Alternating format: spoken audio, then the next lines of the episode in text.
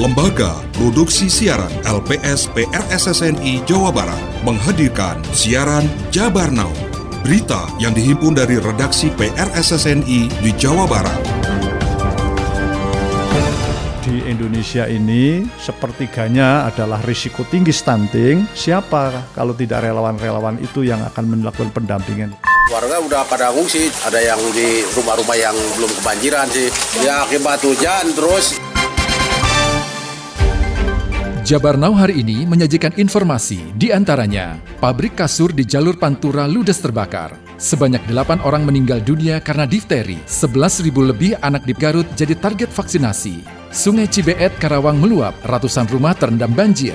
Inilah Jabar Now selengkapnya bersama saya Gilang Pambudi.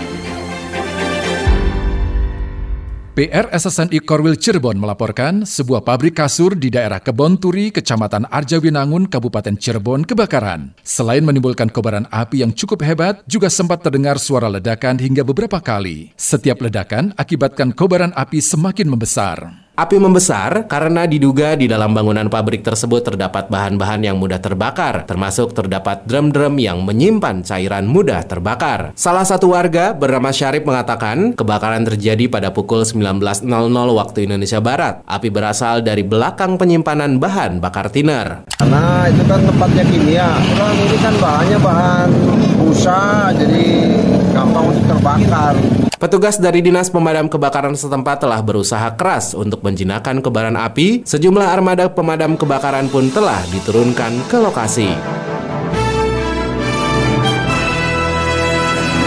Menyusul penetapan status kejadian luar biasa KLB dengan meninggalnya delapan orang warga karena difteri, Dinas Kesehatan Kabupaten Garut mulai melakukan vaksinasi difteri terhadap anak-anak di kawasan epicentrum, yakni Kecamatan Pangatikan. Berikut PR SSNI Korwil Priangan turunkan liputannya. Sekretaris Dinas Kesehatan Kabupaten Garut Leli Yuliani mengatakan berdasar data sekitar 11.600 anak usia 2 hingga 15 tahun yang jadi fokus mendapat vaksinasi selama 10 hari ke depan. Menurutnya, hari pertama vaksinasi diperkirakan jumlah warga yang sudah divaksinasi difteri telah capai 50 persen. Dijelaskan, dalam kurun waktu tujuh hari, vaksinasi dilaksanakan para tenaga kesehatan, tiga hari setelahnya dilakukan sweeping terhadap anak-anak yang memang tidak datang ke pos-pos tempat vaksinasi yang ada untuk divaksinasi. Leli himbau warga untuk segera vaksinasi sekaligus mewaspadai berbagai gejala awal difteri. Pertama demam, ada nyeri tenggorokan, kesulitan menelan. Kalau sudah parah, bisa bisa menyebabkan infeksi pada otot jantung, miokarditis. Mari ikuti program pemerintah dalam mensukseskan ORI, ya terutama di kecamatan Pengatikan dulu ya. Bisa saja nanti diperluas. Leli menambahkan hingga Senin 27 Februari Dinkes Garut mencatat 10 orang terkonfirmasi positif difteri terdiri dari 9 warga Kecamatan Pangatikan dan satu dari Kecamatan Tarogong Kaler. Terjadi penambahan suspek tiga orang di Kecamatan Pangatikan sudah dites namun belum keluar hasilnya. Warga yang positif dan mendapatkan perawatan kondisinya terus membaik. Sementara Kepala Dinas Kesehatan Kabupaten Garut Maskud Farid mengatakan warga yang meninggal karena difteri di wilayahnya bertambah dari sebelumnya tujuh orang kini bertambah seorang jadi delapan orang. Tingginya intensitas hujan di kawasan Kabupaten Karawang akibatkan Sungai Cibeet meluap, merendam ratusan rumah di Desa Karangligar, Kecamatan Teluk Jambe Barat. PR di Korwil Karawang sampaikan laporannya. Menurut salah satu ketua RT di Desa Karangligar, Sugiana, meluapnya air Sungai Cibeet karena kondisi sungai sudah dangkal. Warga udah pada ngungsi, cuman mungkinnya ada yang di rumah-rumah yang belum kebanjiran sih. Ya akibat hujan terus di kali Cibetnya. Selain terendamnya ratusan rumah, banjir juga menutup akses jalan sehingga menyulitkan warga untuk beraktivitas. Fasilitas umum seperti masjid dan sekolah pun juga ikut terendam banjir. Terima kasih Anda masih mendengarkan Jabar Now yang disiarkan serentak di radio anggota PR SSNI se-Jawa Barat. Saudara, guna menurunkan angka stunting di Indonesia, selain dibentuk tim percepatan penurunan stunting mulai provinsi, kabupaten kota, kecamatan hingga tingkat desa kelurahan, juga dibentuk tim relawan yakni tim pendamping keluarga yang jumlahnya ratusan ribu tim tersebar di seluruh tanah air. Membentuk relawan-relawan. Kalau kan nggak mungkin lah kita menjangkau keluarga yang jumlahnya 68 juta keluarga di Indonesia ini sepertiganya adalah risiko tinggi stunting. Siapa kalau tidak relawan-relawan itu yang akan melakukan pendampingan yaitu disebut dengan tim pendamping keluarga. 200 ribu tim itu komposisinya ada bidan, tim berak PKK, juga ada kader. Tiga-tiganya ini saling berkolaborasi sesuai dengan tupoksinya. Untuk mengetahui secara mendalam topik bahasan BKKBN dan strategi percepatan penurunan stunting, pendengar bisa ikuti tayangannya melalui kanal YouTube Radio Jabar bersama narasumber Sukaryo Teguh Santoso, Deputi Bidang Advokasi Penggerakan dan Informasi BKKBN Pusat.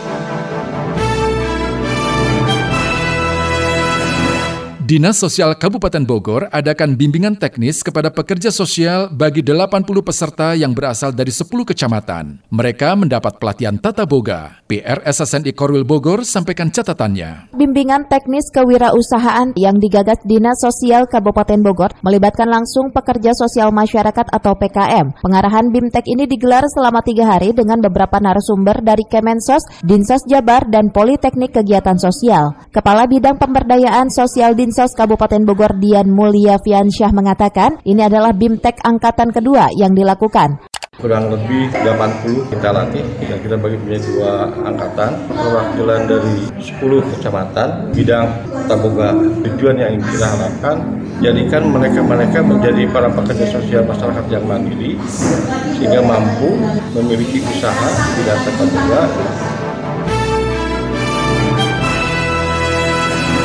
Berikan rasa aman dan nyaman bagi warga dan para wisatawan yang datang ke kawasan Lembang, Kabupaten Bandung Barat, Satlantas Polres Cimahi gencar razia dan penertiban terhadap motor knalpot bising dan bukan standar pabrikan. Selengkapnya bersama PR SSNI Korwil Bandung. Kasat Lantas Polres Cimahi AKP Sudiryanto mengatakan razia ini dilakukan sebagai tindak lanjut dari banyaknya keluhan masyarakat yang merasa terganggu dengan suara bising knalpot motor yang tidak standar. Menurutnya pengendara motor yang terjaring razia langsung dikenakan sanksi tilang elektronik dan kendaraannya diangkut menggunakan truk untuk dibawa ke Mapores Cimahi. Kami lakukan karena banyaknya pengaduan dari masyarakat khususnya Lembang yang meresahkan. Kami lakukan penindakan sudah ratusan kendaraan yang kami lakukan penyitaan. Namun pada saat penyitaan masyarakat membawa knalpot yang standar akan melakukan penukaran.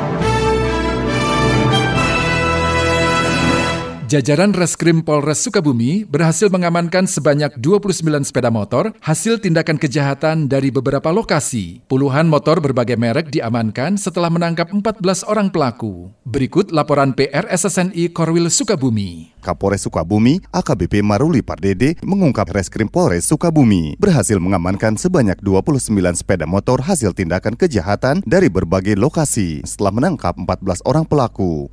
Tersangka yang berhasil diamankan 13 dan satu dari jajaran Polsek. Barang bukti total dari 6 kasus curanmor tersebut adalah sebanyak 27 unit roda 2. Dari 14 tersangka kita terapkan sangkaan pasal pidana 363 KUHP dengan ancaman pidana di atas 5 tahun. Kemudian yang diungkap juga kasus modus berpura-pura meminjam kendaraan tersebut dibawa kabur. Kita amankan barang buktinya 2 unit R2 juga hasil dari pendalaman kita amankan sementara 4 unit kendaraan roda 4.